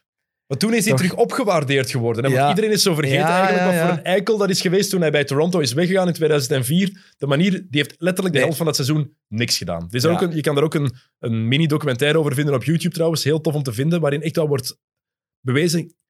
Die gast deed zijn best niet meer. Die deed echt zijn best Nee. niet meer. Dat is een, dat, dat is een asshole move. Tuurlijk. Ik bedoel, ja, zoals, er, zoals er andere assholes zijn, is Vince Carter daar misschien ook een asshole. Wat James Harden in het begin van dit jaar gedaan heeft. Eigenlijk is dat Ja. exact hetzelfde. Oh, Gewoon zijn best niet meer gedaan. ja, maar misschien dat Harden wel- nog wel nog obscener was. Ook zo een, volgeve, een volgevreten varken worden en dan zo... Echt zo'n soort van... allee, die, had, die had precies... Die had vijf basketballen onder zijn shirt eh, maar, steken. maar, maar dan wa- waren die wel ineens weg toen hij in Brooklyn aankwam. ja, dat is wel raar. Dat is echt... Ja, dat, dat vind ik dan vreemd. Maar ofwel toont dat gewoon aan hoe ongelooflijk geniaal James Harden is. En dat hij ook als hij 20 kilo te veel weegt, nog altijd een 30-point triple-double kan maken. Dat denk ik wel. Dat, Dat denk is ik het wel gewoon, hè? Die is gewoon zo goed. En dat, is ook, dat, dat zijn mannen die... Ja, die is gewoon hyper getalenteerd. Maar die heeft ook... Die heeft zoveel ervaring nu ook al, dat hij gewoon het spelletje ook zo goed kent, denk ik. En, Hij is veel te clever ook. En ik denk dat, dat heel veel mensen onderschatten hoe sterk die fysiek is. Want Ja, hij heeft, die- nee, heeft die- ja. en, en hoe snel, want het ziet er geen snelle speler uit op zich. Maar hij blaast zijn tegenstanders weg als hij er voorbij gaat vaak. En dan heeft hij nog eens die kracht om ze het gewoon één, Ja, vast te pakken zelf. Want hij maakt zelf heel vaak de fouten Ja, in, ja, in offense. ja. Maar hij is daar zo goed in. Maar En vind jij, vind, vind jij eh, Harden mooi om naar te kijken?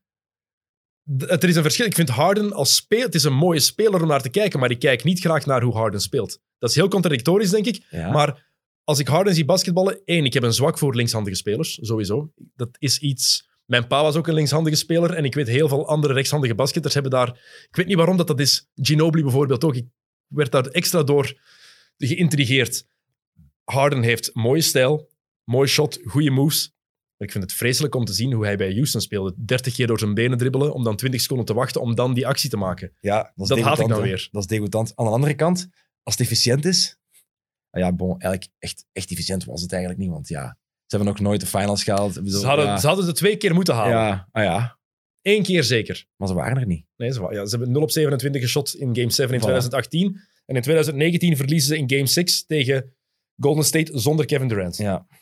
De Stephen Curry game. Dus, dus, Dus- dat betekent dat je meer spelers nodig hebt dan één. Of ja, ja. Dan zou dan Chris Paul? Paul? Ja, zou wel Chris Paul In, in 19. In 2018 was hij geblesseerd. Ja. Dus. Chris Paul, trouwens, ook nog altijd goed bezig. Ja, maar de Suns zijn wel nog hun weg aan het zoeken. Ja, ik denk Je voelt wel. dat Aiton en Booker en Paul nog altijd elkaar moeten leren kennen. Ja, En daarin voel je dan wel hoe moeilijk is- het soms kan zijn. Zeker voor iemand die een aanval zo domineert als Chris Paul. Want hij bepaalt alles wat er eigenlijk in offense gebeurt. Dat je echt wel aanpassingstijd nodig hebt. Zeker met twee jonge spelers. Zeker, eh, Aiton is nog een ja, zeker met allemaal, met allemaal jonge spelers. Hè. Mhm. Suns, zijn, Suns zijn gewoon een jonge ploeg.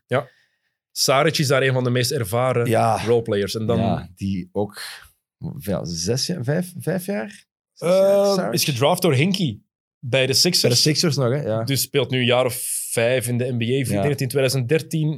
Die is samen gedraft toen met ehm, Michael Carter Williams, denk ik. Dus 2013. ja, juist. En hij is twee jaar later is hij Klopt. gekomen. Klopt. Naar Ja, de bon, NBA. dat zegt veel natuurlijk. ja, ik, maar ik, ik, zie, ik, zie Paul wel, ik zie Paul ook wel graag spelen. Ah, vind ik wel echt een coole speler. Ook zo'n eikel op het veld. Ja, mega asshole. Ja. Ja.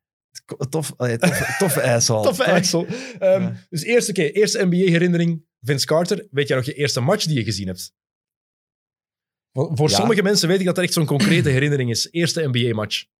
Moet niet ter plaatse zijn, gewoon op televisie mag ook. Hè? Nee, nee, ja, ja, ja. ik, wel, ja, ik, heb er, ik heb er één ter plaatse gezien, maar ehm, ik was bij mijn, bij mijn familie in, in eh, Waals-Brabant.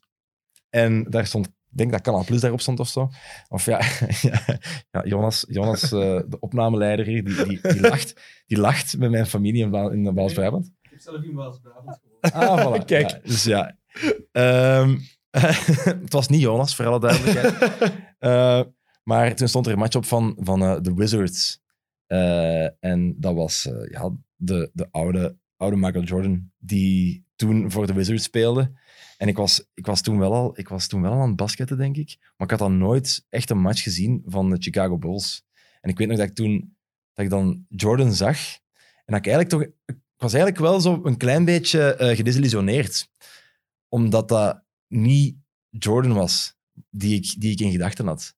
En ik, ik heb dan... Ja, dat is dan die, had- die had dan natuurlijk wel nog altijd eh, 30 punten of zo. Hij heeft nooit minder dan 20 punten gemiddeld gehad, zelfs als Ja. Wizard. Dus Dus, voilà, dus ja, die, had dan, die, had dan, die scoorde dan die match naar, nog altijd heel veel punten. Maar dat was dan totaal niet efficiënt. Of, eh, dat was dan een heel andere speler dan dat hij ooit geweest was. Dus dat was eigenlijk een klein beetje een, een anticlimax, mijn eerste wedstrijd. Oké, dat is jammer.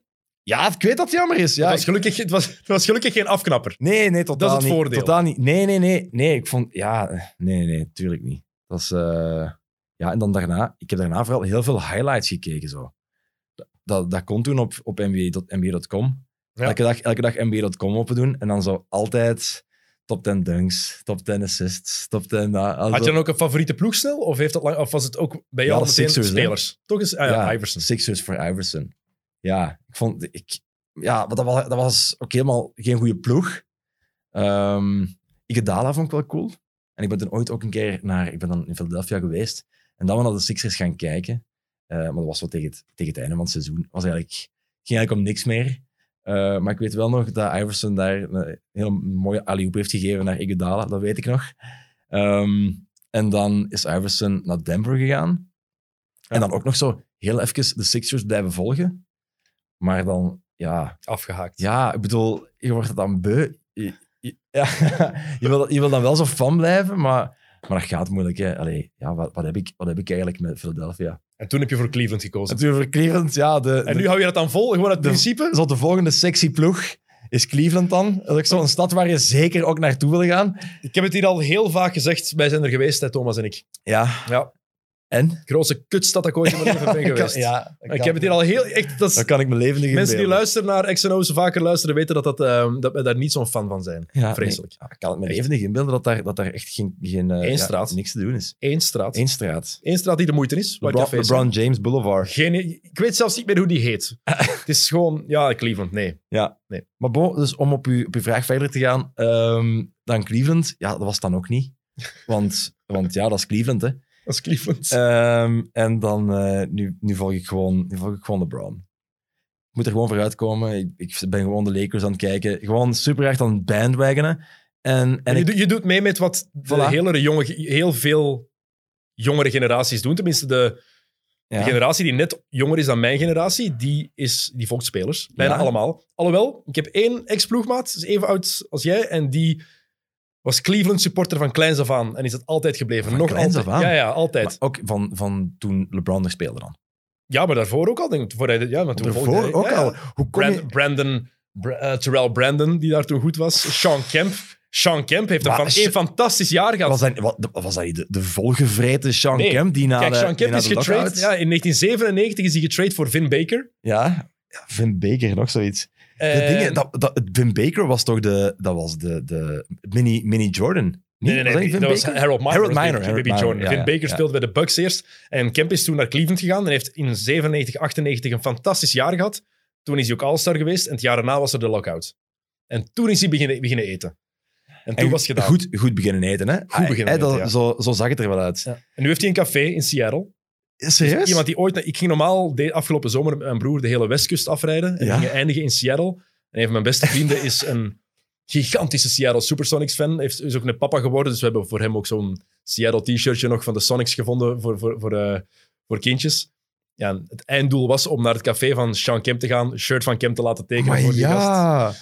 Oh, geweldig. Dat is een Ja. supergoed idee. is niet door kunnen gaan natuurlijk, want hè, Nee. Rona. Rona. Ehm, Ja, ja. Maar Uiteraard. hopelijk 2022, 2023, als het ooit terug kan, het reizen. Maar ja, we maar- moeten eindigen in het café van Sean Kemp. hoe komen we nu eigenlijk in het café van Sean Kemp terecht? Op Cleveland. Kemp, Cleveland. Juist. Sean ja, Kemp. Juist, Kijk. Ja, ja, ik, eh, ja, wie, heeft er, wie heeft er daarvoor nog gespeeld? Andre Miller. Ja. Andre Miller heeft nog... Is, is Brad Doherty, Mark Price, Oh, Craig ja, Elo. ja, tuurlijk. Ja, zo de, de, Larry Nance Senior. 90. Ja, ja, ja, tuurlijk. Zoon speelt er nu, maar Larry Ja. Nance Senior. De enige mensen ooit voor wie dat, voor wie dat ze een, shirt van iemand anders uit de, de rafters hebben gehaald. Serieus? Nummer 22 van Pa Nance. Ah, ja, ja, juist. Ja, klopt. klopt. En New York ook. Statue, ik, en wat wat herinner ik me nog van Larry Nance? De, de Statue of Liberty dunk van, maar van, zijn pa, van zijn pa in de dunk contest Ja, of zoiets. Eerste winnaar ooit van dunk contest in de NBA. Maar dat is hier, het is, ik, ik, ik kom nog meer te weten. ja, sorry, nerd, nerd alert. Soms, soms gebeurt dat, soms Nee, gebeurt dat is het leuk. helemaal. Dat is leuk, dat is leuk. Eh, wat is jou dit seizoen eigenlijk al allemaal opgevallen? Is er iets wat er voor jou bovenuit steekt voorlopig? Buiten het feit dat corona ehm, alles eigenlijk compleet in de war stuurt en dat we de ene uitgestelde match na de andere zien. Dat er ploegen zijn die maar met acht zijn. Ja, ja ik, ehm, ik vind Joel Embiid heel opvallend. Ehm, omdat hij zo precies toch zo een, er, er een tandje bij aan het steken is op een of andere manier. En dat hij ook meer... Ik, die, ik heb de indruk dat hij nog meer post in de post steekt. Dat hij meer... Dat hij... eh, soort van, dat hij zijn MVP-campaign bezig. Ik weet alleen niet wat dat gaat blijven werken met Ben, eh, met ben Simmons. En daar vrees, ik een, daar vrees ik een beetje voor. Ben Simmons heeft af en toe wel een driepunter gepakt. Ja, Dat is wel. positief. Maar Neemt- het gaat niet er- over scoren. Het Ja. gaat over één, één, één nemen. Dat vind ik al een, een heel positief teken. Maar ik vraag hem ook af. En ze staan op één in het oosten nu. Maar ik ben... Ja, en, en ook, ze hebben Ah, wel, ook al die, dus die coronagevallen gehad natuurlijk daar. Het is, zo, het is zo moeilijk om nu al... Want we zijn een maand ver. Je zou denken, we hebben 15 matchen gehad. Je zou daar toch wel een bepaald beeld van moeten kunnen doorvormen. Maar door, doordat er zoveel ploegen afwezig Ja. hebben gehad... Want pas was er dan... eh, de Knicks wonnen met 30 punten van Boston. Jason Tatum was daar niet bij. Dat, is Ja. Boston, dat, dat, dat zijn de Celtics niet dan. Voilà, ja. ja, dan vraag je je ook af, zijn er niks dan goed? Maar ja, Het is wel, wel typisch. Nee, hè? het is wel typisch. het jaar voor een van de beste draftclasses ooit. Het seizoen die- dat jaar en de Knicks beginnen te winnen. Dat is zo classic New York. Dat past daar zo perfect bij. Manneke Kate Cunningham komt eraan. Jalen Green komt eraan. Jonathan Kuminga. Er komen toptalenten aan. ja. En de Knicks, nee, nu gaan we winnen. ja. en dan waarschijnlijk zo net de playoffs niet halen, maar wel toch te veel matchen gewonnen hebben voor een goede draftpick. ja. ja Oh. ehm, Vreselijk. dat is, dat is Ogarmende niks eigenlijk, toch? Ja, we hebben, we hebben hier al... Johannes Chenaar van School is School heeft hier zelfs al eens een, eh, een lied gebracht over de New York Knicks eh, op de tonen van ehm, Born in the USA, Born in the Ewing Age. over hoeveel pijn het doet voor een Knicks-supporter. Ehm, Omdat hij born in the Ewing, Ewing Age is. hij is een gigantische Knicks-supporter en hij voelt die pijn nog altijd op dit moment. Ik begrijp het. Ik begrijp het. Eh, Johannes, bij deze. ja, echt. Ik denk, ik denk ook aan je. En aan alle Knicks-fans. Oh, het- Ehm, ja, was er nog opgevallen? Eh, ik kijk vooral naar eh, de Lakers. LeBron, ja, oké. Ja, mijn, mijn excuses daarvoor. Ook voor iedereen die LeBron niet leuk vindt. Ehm, dat, maar die zijn, die zijn nog beter geworden. Zijn Eh, veel, Vrees ik, vrees, vrees ik voor de Western Conference, maar ook voor eigenlijk de hele league. als ze gezond Behalve, blijven... behalve, als, behalve als de Nets echt beginnen te balen, Mm. dan... dan Allee, ja, nee, bon, dan zal denk ik de finals bekend zijn. ja, Lijkt mij. eer- de, de Nets moeten eerst iemand vinden die een beetje wil verdedigen. Dat zou handig zijn. Als, ja, als en iemand om, iemand om de bank te komen zitten ook. Ook handig. Ja. En iemand om ervoor te zorgen dat Kyrie niet gewoon de Kyrie Irving show van maakt. En de Lakers, het ding is, de Lakers zien er nu fantastisch uit. Anthony Davis is nog niet goed geweest. Anthony Davis is nog niet in vorm. Ja, En die zijn al fantastisch. ja Maar dat, betekent veel, dus dat ze hebben twee van de vijf beste spelers van de wereld met LeBron en Anthony Davis. En Davis is echt nog niet, niet zo goed aan het spelen. Ja. Was, want Oh. was hij, was hij nu aan het was zijn averages nu? Ik weet het, de cijfers weet ik niet van buiten, maar je ziet gewoon, de eye-test zegt dat gewoon. Als je Ja, hem ziet spelen, je ziet dat hij nog niet helemaal geëngageerd is. Logisch, maar 71 dagen tussen gehad. Het is nog niet de AD die we in de playoffs gezien hebben. En als dat er wel helemaal komt, hij is goed genoeg, het is Anthony Davis. Maar het is nog niet, je weet gewoon van, oké, daar zit nog veel reserve op. Jij bent er nog niet helemaal. Hij heeft zelf al gezegd dat die fysiek nog niet helemaal 100% is. En dan is er dat. Ja, Beware. voilà. Beware. Voilà. Ja, dus ja, dus de vraag is, wie gaat ze eraf halen? Clippers? Clippers zijn fantastisch bezig. Vijf op rij gewonnen. eh, mee op kop eigenlijk met Utah en de Lakers. Utah heeft zeven matchen op rij gewonnen. Dat is nog iets anders. Maar de Clippers zijn... Bal gaat daar goed rond. Het begint daar te klikken. Ehm, dus ik, dat zou de ploeg moeten zijn. Ja. En ik kijk ook nog altijd naar Denver. Nog niet zo fantastisch bezig, maar Nikola maar Jokic. Jokic is wel ongelooflijk bezig. Ah, dat heb ik opgeschreven voor een keer. Die zijn cijfers. 25 punten per match, daar is hij, mee is hij elfde. 11,4 rebounds per match is hij zevende. 10 assists per match, eerste. Ja, eerste, hè? Ja, Big Man, die eerste is een assist. Dat is ongelooflijk. What the hell? Ja, dat is ongelooflijk. Wat die kerel ook dat spel ziet, dat is niet normaal. Dat is, eh, ja, Dat is, maar dat, dat, is, dat is hetzelfde als, eh, als een KD. Eh, en ja, in Beat eigenlijk ook. Hè. Dat, zijn, dat zijn kerels die zo groot zijn Mhm. en die gewoon alles kunnen. En Jokic is juist van hetzelfde. Die, die shot ook drie punters. Ik heb daar zo'n zwak voor, voor die gast. Ook hoe dat die, de flair, dat, de manier waarop die speelt. En zeker nu hij, hij is een beetje afgevallen sinds de bubbel, of sinds voor de bubbel. En je ziet dat hij ook... Hij speelt ook gewoon flitsender, de manier dat, waarop hij beweegt. Ik vind het, ik vind het heerlijk, heerlijk om te zien. Ja, dat is echt een verschil. Hè. Ja. Ja. Ehm, ik heb nog twee dingen opgeschreven, want dan ga ik je laten gaan. Je, gaat, je zal nog maar eens moeten terugkomen. Oké, In plaats van er drie uur van te maken, ga je gewoon nog eens moeten terugkomen. Oké, ik vind dat een goed idee. oké. Ehm, heb je de Kevin Porter Jr. story gevolgd? Ja, ik heb gezien dat hij eh getrade is ehm, voor een second round pick. Voor een second round pick die beschermd is tot en met pick 55. Dus er- zijn er 60. Er zijn nog vijf, dus eigenlijk voor niks. Je trade gewoon Ja, voor een Voor, voor een zak chips Ja, eigenlijk. zoiets. Ja. Ehm, hij is getrade omdat hij er een boeltje van had gemaakt ehm, in de kleedkamer. Hij was ehm, een paar dagen, hij was een tijd weg geweest van de club, personal re- reasons, en hij kwam terug en er waren een paar trades gebeurd. En zijn locker was aan een andere speler gegeven. En ze hadden zijn locker, het een nieuwe locker gegeven bij de end of the bench guys. Ah ja, serieus? Is dat echt... eh, En hij komt binnen en hij ontploft. En hij is blijkbaar met eten beginnen gooien zelfs. Is de vraag, is hij in de fout gegaan door zo te ontploffen? Of hadden ze misschien wel moeten zeggen van, Kevin, we hebben nu Locker aan iemand anders gegeven. Hadden En ze ik, dat ben- ik ga even kijken, ik weet niet meer voor wie het was. Hadden we dat op voorhand moeten zeggen tegen hem? Ja, eh, bon, dat zou, dat zou sympathiek geweest zijn van de coaches en van, de, van het management. Maar is dat nu een reden om met eten te beginnen smijten in uw, in uw kleedkamer? Torian Allee, Prince.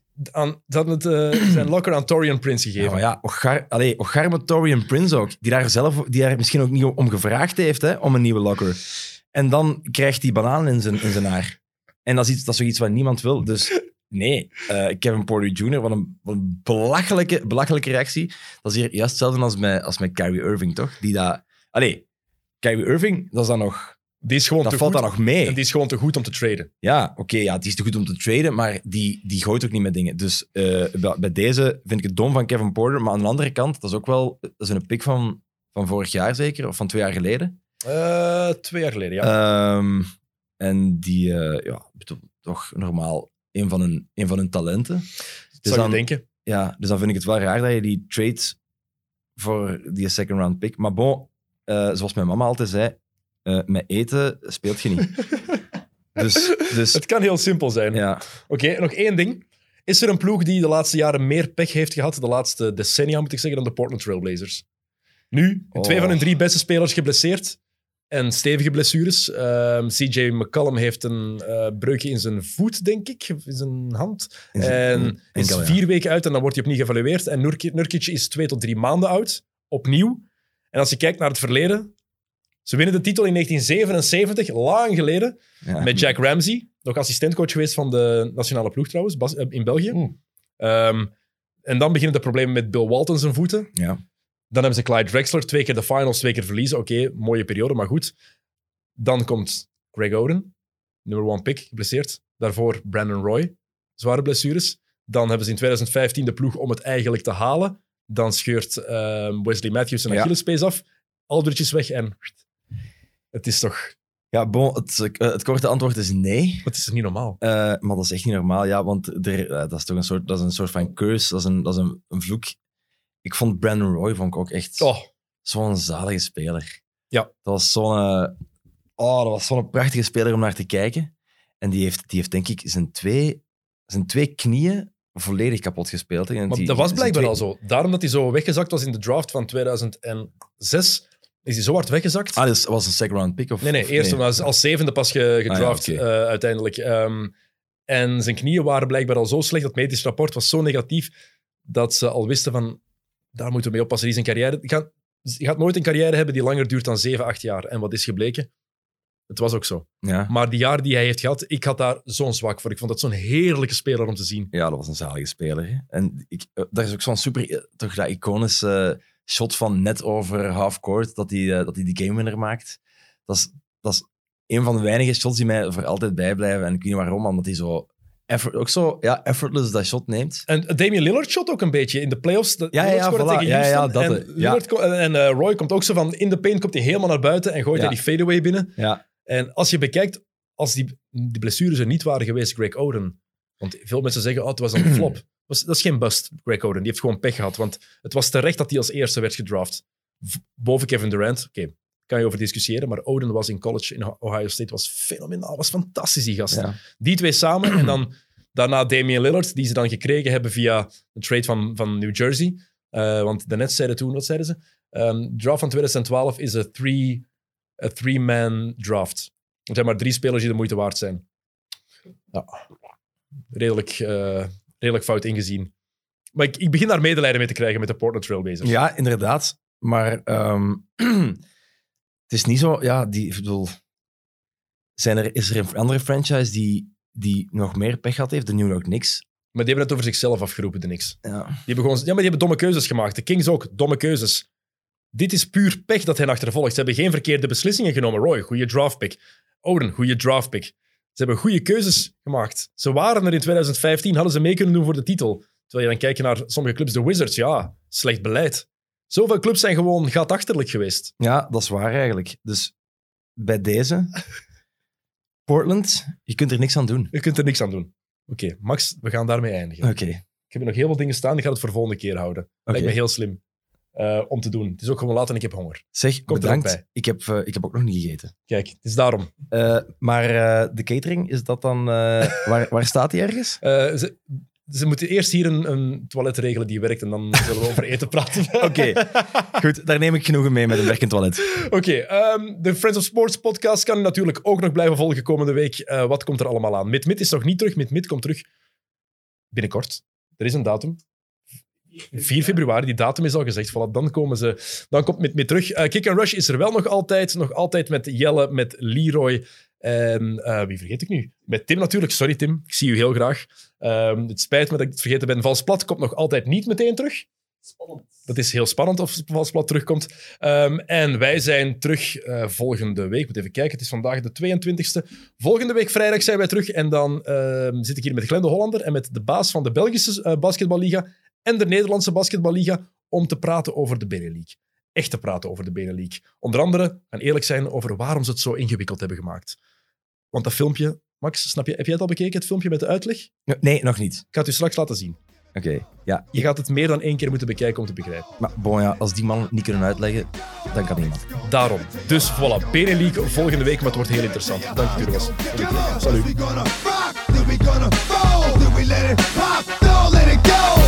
Gon' give it to he gon' give it to gon' give it to he gon' give it to.